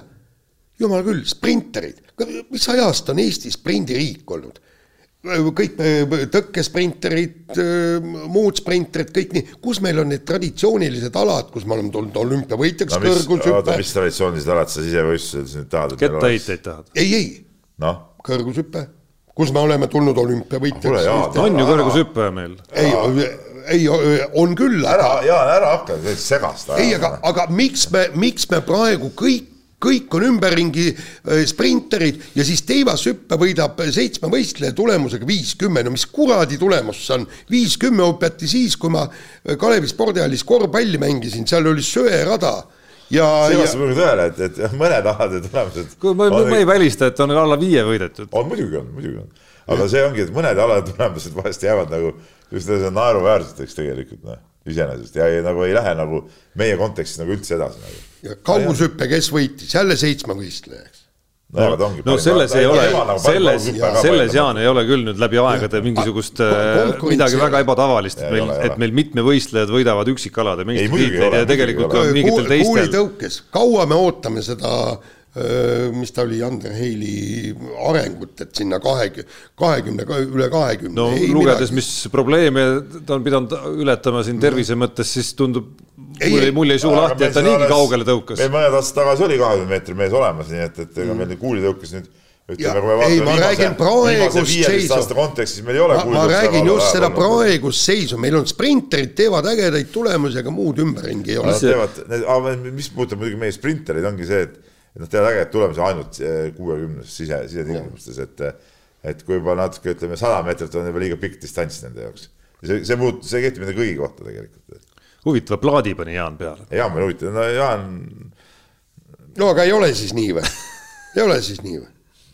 loota, et Eesti sprinter hakkaks kunagi olümpiamedalit võitma nii, aga selle saatuse lõpetuseks äh, suusaalade mm või suusaspordi mm, kuidas soovite on algamas. Jaanes osavalt ära nihverdas sinna minekust. ei, absoluutselt. mis me ootame? no Kristjan Ilvest ootame, mis seal muud ikka oodata noh, looten Kristjan Ilveselt medalit, tähendab ikka, ikkagi minu jaoks on see, et, et kui ta pääseb esikaheksasse. esikuuikusse, ma ise mõtlesin oma peaga no, no, esikuue, esikuus on see, mis, mis minu silmis oleks nagu äh, õnnestumine. jah, aga, aga homme ilmub siis meil see eellugu meie noor-noor reporteri Kaspar Ruus, Ruusi jah, et et, et seal kindlasti on kõik meie suusasportlased elu parimas vormis ja, ja no, nagu alati. nagu alati, jah ja. ja.. ma seda eellugu, ma, ma et ma ilmselt ei viitsi seda lugeda, sest ma, ma, ma eellugusid ei viitsi enam ammu lugeda, eriti siukseid, kus ma tean, et et see jutt, jutt on täiega udujutt. jah, aga, aga teine asi on see, et, et ma kardan, et see, äh, et see suusapoole mm rahvusvahelises plaanis muutub igavaks. norralased domineerivad meeste seas, rootslanad domineerivad naiste seas, et, et, et just. Neid üllatusi, ütleme murdmaal, mis nagu meid nagu võib-olla kõige rohkem paelub, seal üllatusi on nagu raske, raske ette näha. jah, et, et ainsad, kes siin võiks midagigi meeste hulgas näiteks teha, oleks lisaks noorelastele on venelased. keda ei ole. keda ei ole ja kõik noh. no naiste samamoodi tead, nad võiks olla teadet või midagi. kui, kuigi Rootsi, Rootsi naised, Norra naised, seal on muu, muu maailm tuleb ka natuke, et nais, naiste asi on. aga see meeste pool on ikka täiesti no, käsitamatult igav. Noh. ja, ja, ja tegelikult ma, ma, ma sisu, sisemuses loodaksin, et, et meeste äh, suusatamises Norra võidaks kõik medalid meestele endale ja siis näeks maailm ikka, kui totter see asi on. nojah, aga mis, aga mis see lahendus on? Ega ei olegi lahendust, ega ei olegi lahendust. mina seda küll ei looda, et ma just loodan, et Norra võidaks võimalikult vähe medaleid, et, et, et noh, muidu nagu see ala ju lakkab üldse eksisteerima. no aga ta lakkabki, ta lakkabki mina ei tea, mina käisin eile suusatamas, Tarmo käisid eile või? ei käinud eile suusatamas. aga ma ütlesin, sa tegid õige valiku, sest ma käisin. ma arvan, et see oli suht raju eile. see oli väga raju. ma nagu läksin koju, juba lund sadas juba päris kõvasti ja siis ma mõtlesin, okei okay,, ma andsin need lubadused, ma lähen täna, siis ma lähen, onju, sest et päeval tõmmati rajad sisse normaalselt mm, -hmm. läksin sinna. aga sealt sadas õhtul sihukest löga peale kogu aeg. seal oli, see oli ikka täiesti raju, et seal eh, mõnel eh, väiksemal laskumisel ütleme poole laskumise. isegi sinu massiga tuli alla lükk-, tuli hoogu anda. ja siis seisma, midagi ei teha. et no üldse lip, eh, mitte mingit libisemist ei olnud ja, ja lisaks veel see lumi tagus silma, no pime, ma sõitsin pimedas juba ka, eks ole, siis ei saa neid prille ka nagu ette panna, eks ole, sa ei näe nagu midagi seal. et, et no ei, see oli see oli itke, ma just mõtlesin selle, et no ma olen elus seda Tartu maratoni ühkinud ja kannatanud seal kuus tundi seal raja peal, aga, aga ei, ma ei viitsinud, ma tegin kaks ringi ära ja, ja pakkisin ennast kokku tagasi, läksin koju, aga, aga pärast mul oli hea meel, vähemalt üldse välja läksin, tead näe. ei, selles mõttes tubli ja ma, mul üks kõige rajumaid mälestusi ise sõitmisest ongi, kus enam-vähem sarnase lumega, tõsi, seda ei sadanud juurde, aga see oli ikkagi jõhker sula. sai tehtud Kõrvemaa rajal otsus seal, kus on see pöördekoht seal, kus keerad kas viiele või üheksateistkümnele ja kuna tunne alguses oli nagu hea, see on vist kuskil kahe kilomeetri peal on see pöördekoht seal kuskil ühe-kahe peal. tunne oli hea, mõtlesin, et noh, mis seal ikka on ju, ja siis kuskil seitsmenda-kaheksanda kandi siis hakkas tunduma, et see väga hea mõte nagu ei olnud ikkagi. sealt taha kuskilt tagasi minna. sealt ei ole mitte midagi. ringi, seal ei ole. et nagu kui juba lähed, kui, kui, kui juba nagu lähed, siis, siis. kui, kui, kui meenutusteks läks, siis kõige rajum ja, ja see mitte ei olnud üks, vaid mitmed korrad Nõukogude sõjaväes Novosibirski all meil oli suuskade peal suurelt kirjas, mida me tegime, Pitsot Sibirskih kilomeetrov, ehk siis me pidime talve jooksul viissada kilomeetrit läbi sõitma. Ja see olid niisugused kahekümnekildised matkad. Ja meil olid siis suusad olid vaata nende kummirihmadega, kummirihmadega oli, olid siis kas vii-, vot nüüd ei mäleta, kas olid viltide küljes või saavaste küljes, sõdurisinel seljas siis see karvamüts oli siis kurgu alt kinni seotud, kui oli väga külm, siis tõmmati see vahvel käterätik näo ette. nii, ja loomulikult no mis määrimist, mitte midagi, seal oli tähendab ühesõnaga. puupütid. puupütid, eks, ja siis sa lihtsalt seal ei olnud mingit jälge, mitte midagi ees. ja siis oligi, rada oli, see oli põllu pealt kümme kilomeetrit sinna, seal oli pöördepunkt kümme kilomeetrit tagasi ja viilida ka kuskilt ei saa. Ja, ja, ja siis tammusid, see oli tunde me tammusime seal ja, ja, ja, ja mitte ük, üks kord, vaid oma Pitsot Sibirskih tuli. ma arvan, et sa ikkagi näitasid seal, ütleme eh, Vennas vabariikide esindajatele ikkagi eh, siukest ilusat klassikalist sammu. no kuhu, jah, ma võin käsi viia ette-tagasi paremale, aga, aga sa lihtsalt sumpad, astud nende suuskadega sealt sisuliselt, kui oli paks lumi. ma vahepeal, kui te siin äh, oma murdmaasuusa nii-öelda MM-ile mõeldes murdmaasuusa lumbu, lummusest rääkisite, üritasin siin klõbistades mitte niisama aega veeta, vaid püüdsin mingisuguseid andmeid leida, kas Jarl Magnus Riiberi, tulles kahe võistluse ja eestlaste ikkagi kõige suurema huvi juurde tagasi, kas Jarl Magnus Riiberi saatusest ka midagi nagu kirjutatud on, et et mis siin salata, et on vaks vahet, ma arvan, võistelda medali eest kui sul on Riiber, kes igal juhul on broneerinud ühe medali sellest kolmest juba ära eh, ja Johannes Lamparter tundub ka viimasel ajal natukene sellises vormis, kus peab ikka juhtuma mingi väga imelik asi, kui ta ei võida medalit, mis justkui jätaks lihtsurelikele ainult eh, poodiumil ühe koha ainult alles. aga ega midagi väga head leida ausalt öeldes ei õnnestunud, et isegi Norra meedias VG-d, NRK-d mingit värsket uudist selle kohta, et mis Riiberi seis on, ei ole. tema enda Instagramis viimane postitus kolm päeva tagasi ütleb, et kuidas ta nüüd on, tõlkima korra, et eh, no ühesõnaga annab mõista, et, et mingi nii-öelda vormi lõppviimistlus on käsil ja esimene trenn kuskil nädala pärast, et noh, ega ta nagu ilmselt kõige paremas seisus ei tundu olevat, aga jumal teab, neist no,, neist, neid ei maksa võib-olla liiga tõsiselt võtta. seda ei tea kunagi, jah. nii, aga laseme nüüd kõlli.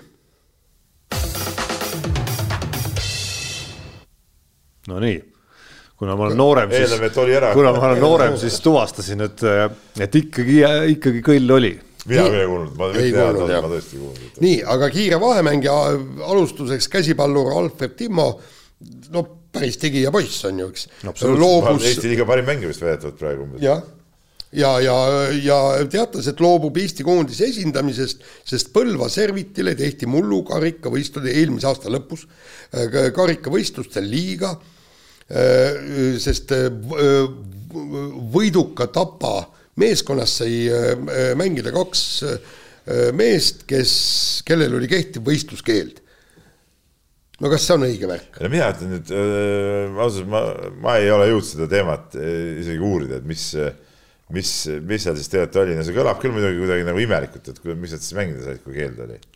no mingisugune, ma saan aru, et mingisugune nii-öelda nagu äpardus siis ütleme. või teine variant on see, et seal oli. jutt käib oli... siis Tapa ja Põlva Serviti karikamängust. ma saan aru, teine variant on see, et äh, keeld kehtis liigamängudeks, kas ta karikal laieneb?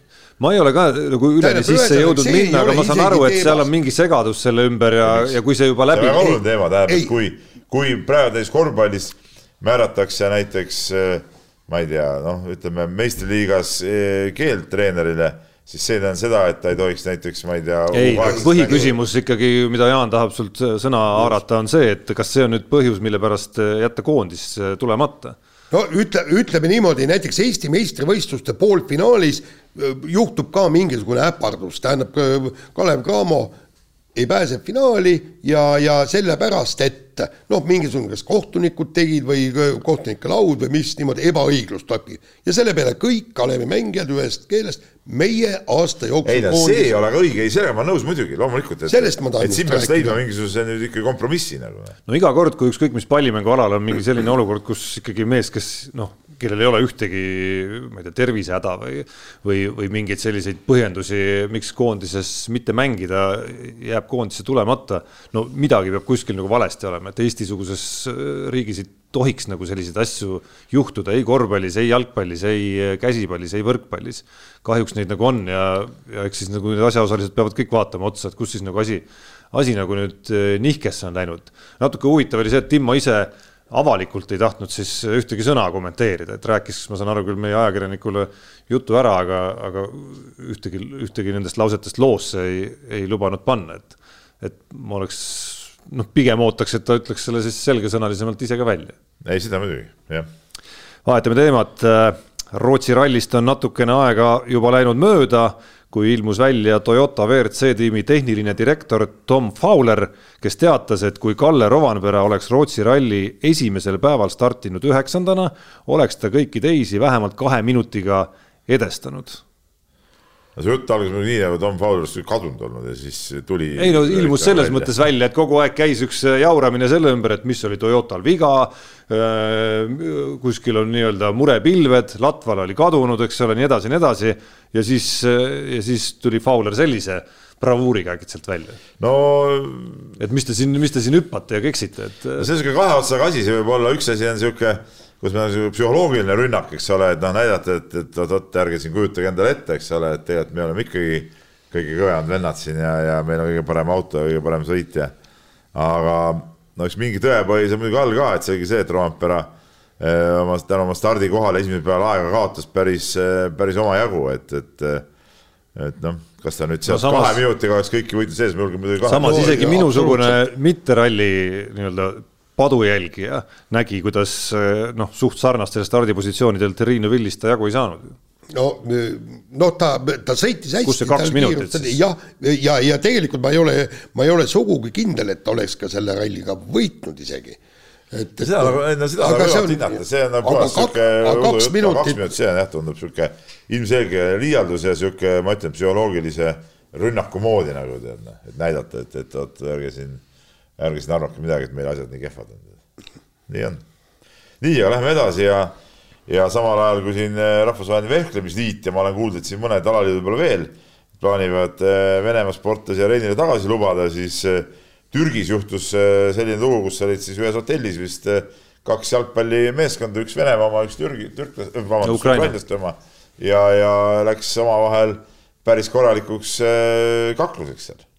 no see on nagu ilmselge, et kui, kui päris spordis nüüd lubatakse äh, need venelased ja valgevenelased nagu tagasi ja peaks kuskil minema kokku äh, ukrainlastega, siis äh, noh, ütleme sellised intsidendid igal juhul hakkavad juhtuma. jah, vehklemisrajal mõõkadega. kuigi näiteks, sa võta sama tennis, ma vaatasin eile õhtul ka AK Sporti, seal näitas mingi turniir oli. mängivad ju need edasi seal kõik, ei ole kuulda, et seal oleks keegi kellegi reketiga pähe pannud, tead noh noh, niisugust verbaalset, verbaalset juhtuda, ütlemist on olnud. pigem see võib juhtuda võistkonnaaladel muidugi, et kui ütleme ütleme, võistkonna värk, vaata seal nagu need eh, emotsioonid ja, ja asjad keevad nagu rohkem üle ka, et no üldiselt igal juhul see on nagu sisse kirjutatud juba sellesse, et mingid asjad kindlasti hakkavad juhtuma. aga, aga noh, tähendab paraku noh, me oleme siin ju seda teemat veel menetlenud ka eh, varemgi, et, et seal on nüüd on, aeg on käes, kümnendal märtsil teeb Rahvusvaheline Vehklemisliit otsuse kas venelased saavad võistlema, ehk siis äh, koguma olümpiapunkte või ei.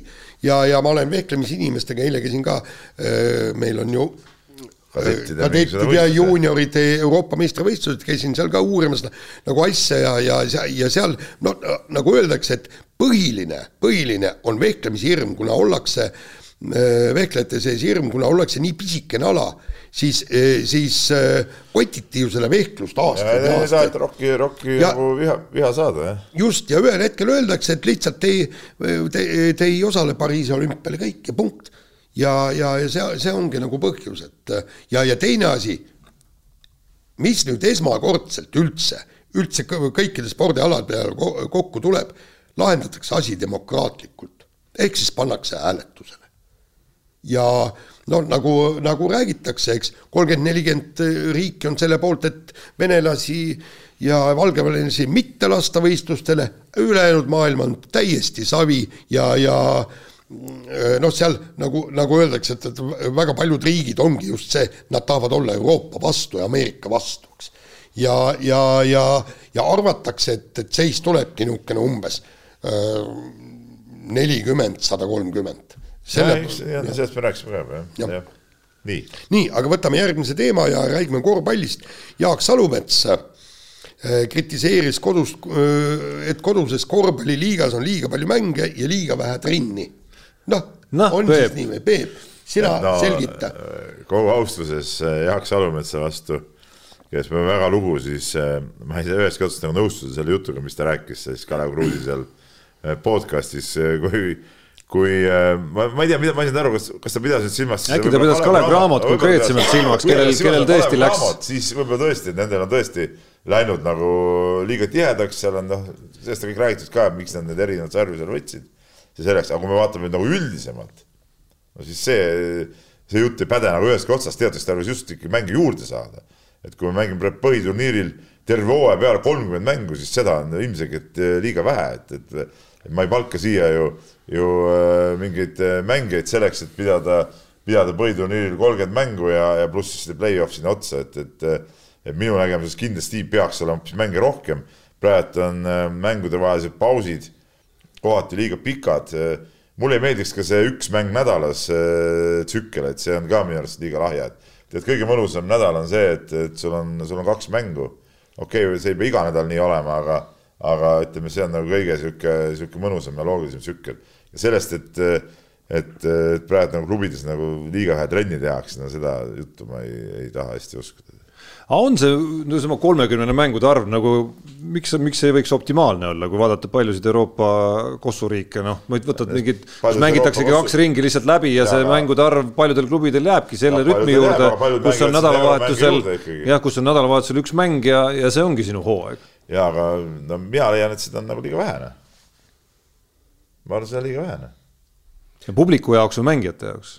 mängijate jaoks siis ma näen, kuidas need pikad äh, mängude pausid ka mõjuvad, noh, see ei ole nagu, see ei ole nagu hea, noh, et, et sihuke kolmkümmend kuus mängu näiteks, noh, oleks väga hea, no teatakse üldse hea mängida, ma räägin mingit, kogu aeg ka mingit äh, rahvusvahelist sarja, noh, neid sarju ei ole enam, minu arust võiks neid kogu aeg juurde teha, neid sarju, et kõigil oleks võimalik mängida midagi.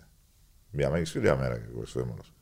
et, et äh, see on see põhiturniir jääb, jääb nagu lahjaks nagu. aga noh, kuskil kindlasti on see piir nagu olemas, et noh, me näeme tipptasemel Euroliigas, kuidas noh, vist on vint ikkagi nüüd nagu kogu selles Euroopa korvpalli olukorras üle keeratud selles mõttes, et neil nüüd küll hooaja sees mingisugust noh, päris trenni tegemise võimalust, noh, tegelikult ikkagi ole, nagu ei ole, et äh, me oleme noh, osaliselt ka näeme seda sellest, kuidas mõned noored ja võib-olla andekamad, kelle jaoks trenni tegemine on ikkagi nagu väga oluline osa arengust, kelle jaoks ei olegi võib-olla mõistlik äh, mingis faasis veel liituda üldse sellel tasemel klubiga lihtsalt selleks, et see ei ole arengule piisavalt hea. ja ei, seda muidugi, seda muidugi. Noh.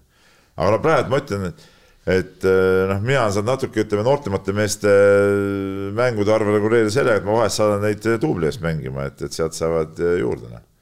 et sama asi puudutab ju tegelikult ka mingeid esiliigasid ja neid, et ka esiliigas ma mäletan, oli ju seal on kaksteist võistkonda, kakskümmend kaks mängu põhiturniir, oli ka liiga vähe, noh, ka mõttetu noh, tegelikult noh. eelmine aasta mängisin ju enamus meestega nii esiliigat kui teist liigat, siis sai nagu normaalse hooaja mängude arvu kokku.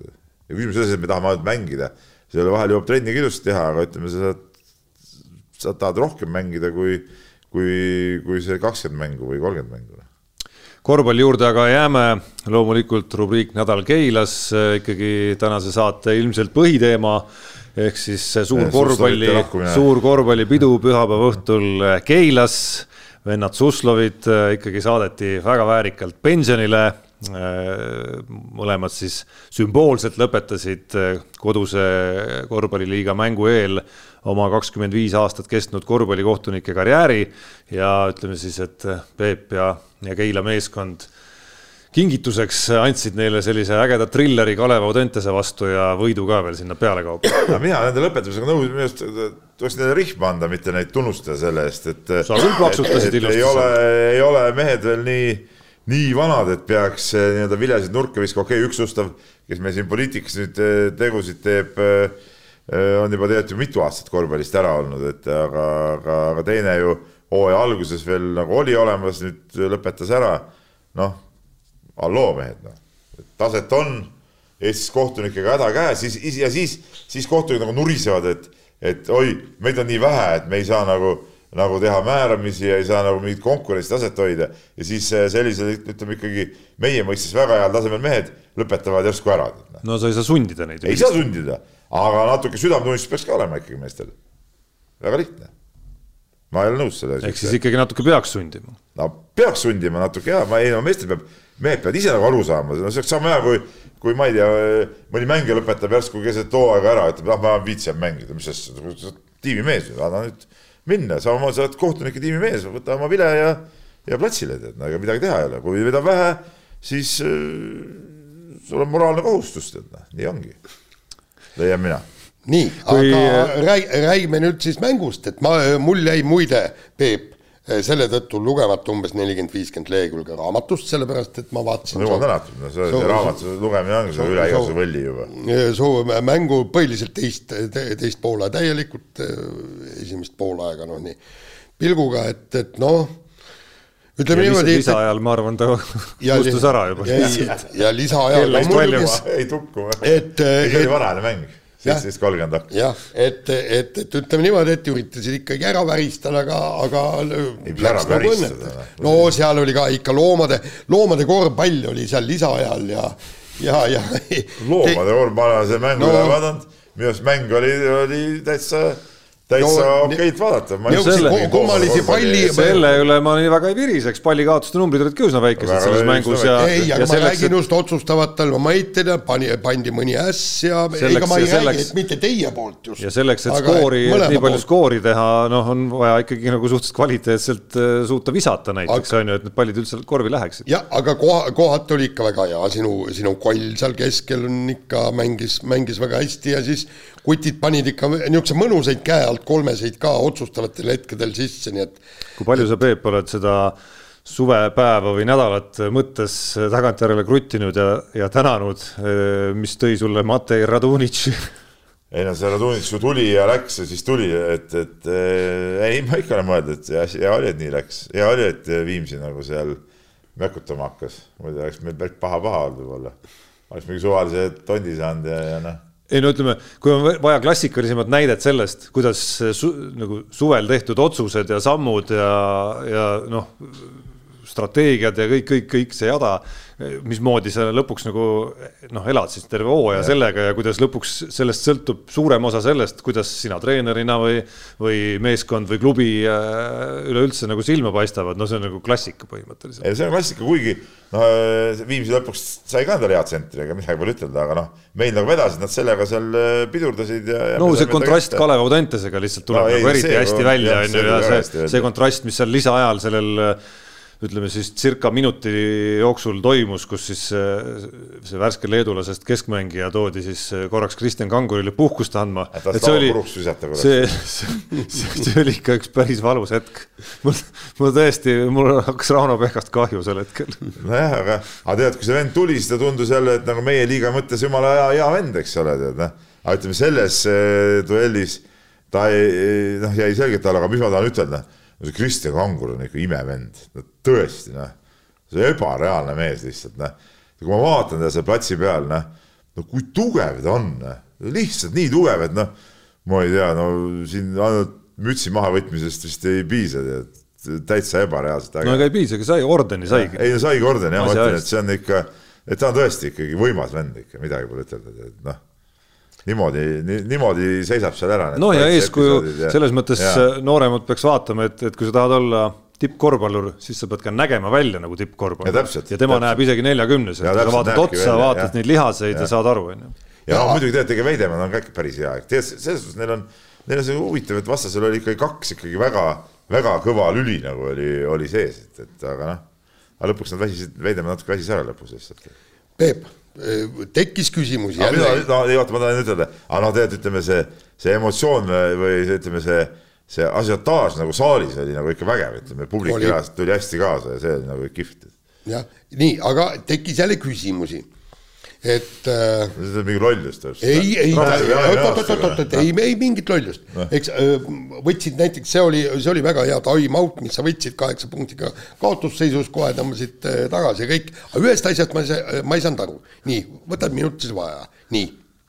järgmisena lähed öö, oma selle paganama öö, skeemiga, lähed teiste treenerite juurde ja pead nendega aru ja siis tuled mängijate juurde seletad neile ära, kõik on õige.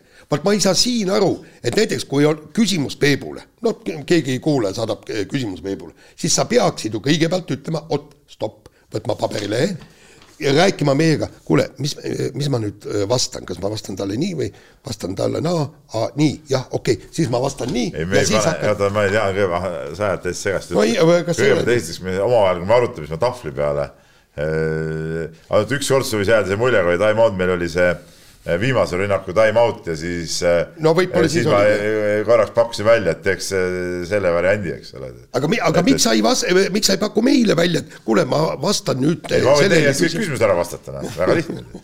aga ei, no ikka peab nõu pidama, mis need siis, mis need teised mehed lihtsalt istuvad seal, joovad, joovad tasuta vett.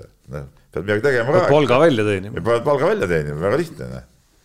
et äh, ma nüüd küll väga ei näinud, mis see Rauno, Rauno Pehka pidas Timo Ifossi ka nõu vist ikka, ma, ma eeldan. aga muide, räägi, kas, kas sinuga enamasti nõustutakse või siis teinekord ka öeldakse, et kuule, aga äkki teeks hoopis nii? ei, ei, mis nüüd nõustutakse, no üldiselt pigem ma küsin, et, et, et mis sa arvad, kas teen nii või ei tee, eks ole, noh, et siis kas ei või jah, nagu ei, siis mõnikord on ikkagi jah, noh, aga, aga, aga, aga ei, selles suhtes ei nõud, mis sealt tulevad, no Üllar Kerde on ju ikkagi ju ikkagi ka legend ja, ja tead, Marko Arro teine treener ka on, on väga-väga okei okay,, väga hästi saab asjast aru, et, et, et veel siukseid põhimõttelisi mingeid erinevaid, väga erinevaid nägemusi pole seal kunagi olnud sellest asjast ja viimane küsimus, eks, pärast nihukest tihedat mängu, millal, millal sa magama said üldse? sest tavaliselt ikka nihukestel puhkudel kerid ja kerid. ei, ma vaatasin, vaatasin selle mängu veel, ma küll alati ei vaata mänge kodus ära, mul, siis kui Inspira mängan, siis ma vaatan muidugi alati, sest seda on hea mugav vaadata, sest et Delfit ju televiisorist vaadata on väga ebamugav, Tarmo, anna andeks, sa tead seda sa ja see peale seda videot. sa tead väga hästi, kuidas on aeg ikkagi väike tehnoloogiline areng teha sul lihtsalt. ei, miks? No lihtsalt, et oleks lihtsam sul endal vaadata. ei, ma vaatan telekast seda isegi Delfi kaudu ka, aga see on ebamugav on seda no,. ma olen sulle õpetanud neid äh, võtteid küll ja küll, ei võta, ei hakka küll. peale selle, peale selle see video ei töötanud ka, aga ei, okei okay. sain sulle see nätsaka ära teha. Äh, mis kell, ma võin ütelda, et kuskil peale kahte. normaalne, laseme kõlli Unibetis saab tasuta vaadata aastas enam kui viiekümne tuhande mängu otseülekannet. seda isegi mobiilis ja tahvelarvutis. Unibet, mängijatelt mängijatele. võitudest rääkida. oli mõte, et, Peebu, Peebu võistkonna peale panna pappa. ei pannudki või? ei pannud ei uskunud kusjuures ma, mul oli nädala jooksul. sa mängu jooksul ka ei pannud või? mul oli, kusjuures ütlen ausalt, väga nõme nädal, mul oli nädala jooksul Äh, kõikide, vist peaaegu kõikide nende mängude, mis siin koduses Kossuliigas toimusid, osas nagu aimdus õige, kuhu oleks tulnud panna, aga koha, kus ma siis panin, see oli ainus koht, kus mul vale oli, nii et äh, suhteliselt mängu algul panin Pärnu peale Viimsi vastu kui need olid kaotus, natuke olid kaotusseisu jäänud, koefitsient oli paremaks läinud, see oli pool tundi varem algas. ja siis lülitusin Keila peale ümber ja pärast vaatasin tulemust, et, et ühesõnaga halb nädal ja ütleme niimoodi, kui ma oleks pannud Keila peale, siis ma oleks ikka il, ilmselt noh, väiksemat sorti infarkti saanud. aga kuidas sul on, kas see lisavõit seal äh, läheb ka võiduma, mitte ei lähe viigina, viiki ei saagi panna? ei no võimalik on, et on mõlemad pakkumistel nagu olemas, kus, kus on ka see lisaaja võimalus, aga seda nagu panustada Kossu puhul tundub nagu totter natukene no et jätad no, mingi, et jätad mingi juhuse mängu, kus. Tallinna äh, kalemängudel võiks olla täitsa ju okei minu arust on viimasel päris palju lisaaegasid mänginud. no ja, et jätab nagu siukse totra asja õhku, kui sa just ei taha nimme seda lisaaega nagu, et ta tuleb ennustada, aga kui sa emma-kumma võitu tahad ennustada, siis tundub natukene nagu jabur see viik sinna õhku jätta. no mul oli siin kahe mängu nädal ja ma veel ei jõudnud oma seda asja ikkagi nagu, nagu. nii, aga. ausõnad senad. nii, aga täna hommikul on äh, on äh, Unibeti tulnud ka värsked koefitsiendid siis äh, selle nädala teises pooles toimuvate äh, korvpalli maailmameistrivõistluste Euroopa valikturniiri eelviimase vooru mängude osas, ühesõnaga, ja sealt siis on läinud eripanuse tellimus sisse Eesti-Sloveenia kohta loomulikult kaks koma viiskümmend viis on tava koefitsient seal Eesti peal. me muidugi ei rääkinud üldse sellest Eesti Kossu koondisest või ma ei tea, kuidas te nagu tunnete, aga, aga noh, arvestades, et kõik, äh, ütleme, kõik on nagu selge, siis mul nagu, minul nagu, võib-olla mul jälle mingi korvpalli üleküllus muidugi, eks ole, aga mul nagu praegu nagu mingit väga, väga kõrget siukest äh, asiotaaži ei ole sellega seoses, ma nagu ei märka ka, et kuskil väga oleks. Noh. samas raske ongi samasugust elevust tunda, kui, kui siis, kui oleks midagi mängus veel on ju, noh, et see on nagu kuidagi nagu emotsionaalselt üsna, üsna loogiline, samas Äh, kas see oli, okei okay,, ma täpselt selle, selle anatoomiat ei tea, aga kas see ei olnud mitte Rootsis äh, olukord, kus mängiti, naistekoondis mängis viimast mängu kodus üheksa tuhande pealtvaataja ees olukorras, kus, kus enam midagi, midagi mängus ei olnud, tõsi, see, et midagi mängus ei olnud, selgus sellest eelmises mängus muidugi, et noh, piletid olid võib-olla ära müüdud juba enne. No,. aga ikkagi, et selles mõttes, selles mõttes on nagu teistpidi on jälle nagu mingi elevus alati nagu olemas, kui, kui tulevad siin osa poisse koju ja, ja, ja, ja, ja ikkagi nagu päris mängu saab siin näha, et iga selline on ju võimalus, võimalus kellelegi sealt silma paista, muidugi on siin koondis saanud veel korralikku räsimist. no ma natuke kasutades, äh, ma võin teha, kuna ma ise korvpallist kirjutada nagu eriti ei saa või ei tohi või natuke peaks Eesti korvpallimeedia ka endale natuke tuhka pähe raputama, et et ei ole ma kuskil nagu näinud äh, lugusid nendest Siim-Sander Venede ja Mattias Tasside vigastustest, et need ei ole nagu nii salajased asjad olnud tegelikult, et et ütleme, eriti selles koondise akna valguses, nagu ma oleks eeldanud, et, et me saame nendest rohkem, rohkem lugeda. tead, seal on, ma arvan, et probleem selles, et neid korvpallureid on niivõrd palju välismaal, et noh, et inimene jõuaks kõigel sellel silma peal hoida, ma, ma arvan lihtsalt puhtalt nii. no Siim-Sander Väär ikka koondise kapten. Ei, ma, ma, saan aru, aga vaata, kui palju neid on, Kotsed, värgid, särgid, kõik, Ameerikas vennad ja kõik niisugused. nii, aga lähme kirjade juurde või? ja Martin kirjutab meile ja, ja kiri päris lihtne, et et tere mehed, mis on saanud Jüri Vipsist, kas on mingisugust infot ka edasise karjääri kohta? oleme uurinud, ei ole, tähendab. ei no on olnud, et ta käis ju seal äh, USA-s vahepeal, eks ole. vahepeal käis USA-s, aga ta elabki jällegi USA-s, sellepärast et tal on elukaaslane seal ja, ja kõik ja, ja on proovitud, mitte mina isiklikult, aga kolleeg on proovinud helistada Asmerile, Viipsile, uurida siit-sealt, kolmandast oli siin väike võimalus, et äh, läheb Ameerikasse Indikaari, ei läinud, ei tea midagi, null, null, null infot null infot ja kuskilt ajakirjandusest mitte midagi läbi imbu ka. ja teda te,. ennast avada pole õnnestunud. jah, just ja. Nii, aga äh, Eno Astokon kirjutab meile kirja ja no siin jah, tahaks ka natuke nagu sellel teemal kaasa rääkida ja, ja kiri järgmine.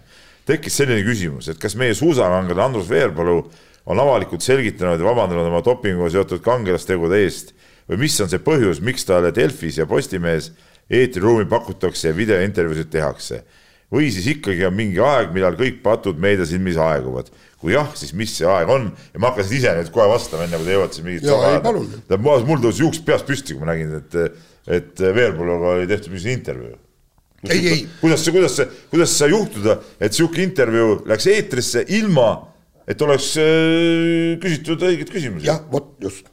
mis, mis jama see oli, kuidas sihuke asi sai juhtuda? no juhtus, noor reporter ja noh, Jaan võib kinnitada, et see oli esimesi asju, kui me esmaspäeva hommikul toimetuse koridoris kohtusime, kui, kui me sellest nagu juttu tegime, et äh, ma nimetaksin seda ka, et see ei olnud hästi, hästi välja kukkunud asi. sest, äh, sest et, et noh, selle mingigi, mingigi viiteta ja mingigi nii-öelda teema suunamiseta nii-öelda küsimustele, mida tegelikult tahaks terve Eesti avalikkus küsida, no oli see, oli see väga kentsakas. sest ma, ma saan aru, kui näiteks Algo Käpp või Karel Tammjärv kes on vähemalt osaliselt oma lood ära rääkinud ja nemad oleks seal sõitnud ja siis oleks teinud niisugune, aga sealt oleks ikka küsinud, et noh, et, et kuidas sa vahepeal trenni tegid ja kõik, eks, ja, ja kas sa oled vaimselt kogu sellest probleemist üle saanud ja, ja kas sa oled nüüd valmis ausa mehena tulema jälle rahva ette, kõik niisugused küsimused. ei, see kõik on loogiline, me oleme rääkinud ka sellest Soome näitest, eks ole, mismoodi läinud ja, ja, ja siin Änole vastuseks ma ütleks küll, et jah, kindlasti on, on mingi aeg, mil patud aeguvad, aga see eeldab ikkagi selle patustaja poolset ka teatud äh, käitumist, eks ole, mitte, mitte niimoodi, et, äh, et mees nii-öelda paneb meile tala siin kõigi, kogu Eesti rahvale ja siis järsku on õige mees, eks ole, et nii, niimoodi need asjad, asjad äh, kindlasti käia ei saa Just. ja, ja ei tohi. esma, esmalt tuleb oma lugu ära rääkida, vabandust paluda ja siis lähme eluga edasi. nii, ja siin on üks kiri on veel, mis on ka teema, mida me oleme natuke lahanud ka varem ja, ja ja, ja, ja aga ikka, ikka jälle need sarnased teemad tulevad üles, et äh, küsitakse edasi, et, et mis me siis arvame sellest, et kui mehed, kes läbivad hormoonravi ja saavutavad vajaliku äh, estragooni taseme ilma siis äh, operatsiooni. estragooni või seal on midagi muud? no siin on, estragoon on siin kirjutatud no.. aa, okei okay. no., seal on midagi muud. no sina oled rohkem selle teemaga tegelenud, et jah, võib-olla sa tead, et termin, hea loe, mis kirjas on. ilma siis ütleme operatsioonita ja saavad võistelda siis naiste grupis ja purustavad rekordid, mida tulevikus ilmselt keeruline ühelgi sündinud naisel tagasi teha, et kas sellisel grupil peaks olema eraldi kategooria, millal ja kellega nad peaksid üldse võistlema? no põhi, põhimõtteliselt selge see, et, et see tehakse eraldi kategooriat, seal on paljud alaliidud on juba noh, andnud teada, eks, et mehena sündinud ei või võistelda naiste äh, naiste sees, seal on, Ameerikas on osariigiti, mõnes osariigis võib, mõnes osariigis mitte, naiste räpi näiteks rahvusvahelised organisatsioonid minu teada võtsid vastu need ja, ja praegu on isegi rahvusvaheline olümpiakomitee öelnud, et nad üritavad välja töötada õiglasi reegleid kõigi spordialade jaoks. ehk siis seal on noh, tõesti teatud spordialadel on okei. Okay,, noh, kus, kus võib-olla mingit suu-, nii suurt vahet või midagi ei ole, aga, aga üldiselt spordialade kaupa, aga öeldi ka, et plaanitakse uut äh, sportlaste klassi. ei no kus on mees, naised, naismehed. halloo, nojah, las ta siis olla. ei no mis, mis seal muud üle jääb, kui, kui jää, mingisugust reglementi püüda siis teha. aga no kujutate ennast ette sellele, selle klassi sportlastele kaasa elama, see on suht veider muidugi no, miks sa ei või neile kaasa elada, selles mõttes, et mis, kus see probleem seal on, küsimus on jah, probleem tekib siis, kui, kui mingi ebavõrdsuse, ebavõrdsuse momendid tekivad, tekivad ei, nendes olukordades, mida Jaan kirjeldas. küsimus tekib selles, et see ei ole mingi päris asi ju noh. mis mõttes päris asi no,? sihukest, sihukest inimesi ei ole ju päriselt ju olemas, need on kunstlikud asjad. on ju inimesed olemas no,, no mis sa nüüd, mis sa nüüd räägid? seal, seal, seal pigem tekib probleem selles, et see konkurents on täiesti olematu see, see on see, kui sul on tõesti või olümpiamängudel nii-öelda vaheklassis viis sportlast no.. ei, olümpial ei tohiks siukest nagunii lasta siukse, enne kui see, kui jah, täpselt, kui see ei ole nagu päris ütleme, täisväärtusliku konkurentsiga võistlus, siis nagunii ei ma ei ole mingi spetsialist siin, aga ma kahtlustan, et noh, neid reegleid on väga raske seal luua. Need lood on ju nii erinevad, need eelised, mida ühel või teisel alal äh, vastavalt sellele, mis hetkel keegi on, on need protseduurid ette võtnud, on nii erinevad lihtsalt, et kuidas, kuidas neid nagu allutada mingit, mingile reeglistikule, noh no, mis, mis kuidagi mingit võrdsust ja, seal genereeriks, no ja, väga keeruline. aga, aga saad aru, nüüd on, nüüd jälle see liber, liberalism ja demokraatia ju ütleb, et neil peab ka olema ei, võimalus no, ei pea, ei pea kõigil olema võimalus, ei pea. ei no mis see, mis see sinult ära võtab, kui nad võistlevad seal? ei no ma ütlen, et ei, kui sa ütled, et ei saa kõiki, no okei okay,, teevad ühe klassi, aga seal mingi klasside sees mingit omakorda mingit klassi nagu teha enam ei saa, see on ka selge no.. aga kuule, otsustada, kuidas ise see ei ole enam sport. võivad otsustada. kergejõustik MM-il on siis äh, ütleme, mehed ja naised ehk siis päris võistlus, siis seal on veel seitse mingit no, keegi, äh, imelike, imelike inimeste klassi. keegi ei ütle, keegi ei ütle, et see kõik peab kergejõustiku MM-il toimuma mis, mis võistlused need muud on siis? no, no see on äh, jaburus, no ütleme, sihukest asja ei ole vaja. no ühesõnaga, see on jah, nii kummaline maailm, kuhu me oleme sisenenud ja, ja sellega tuleb paraku leppida. nii, aga kas läbi. sellega on ja. saade, saade läbi? saade läbi. ja kuulake meid järgmine kord. mehed ei nuta. saate tõi sinuni Unibet, mängijatelt mängijatele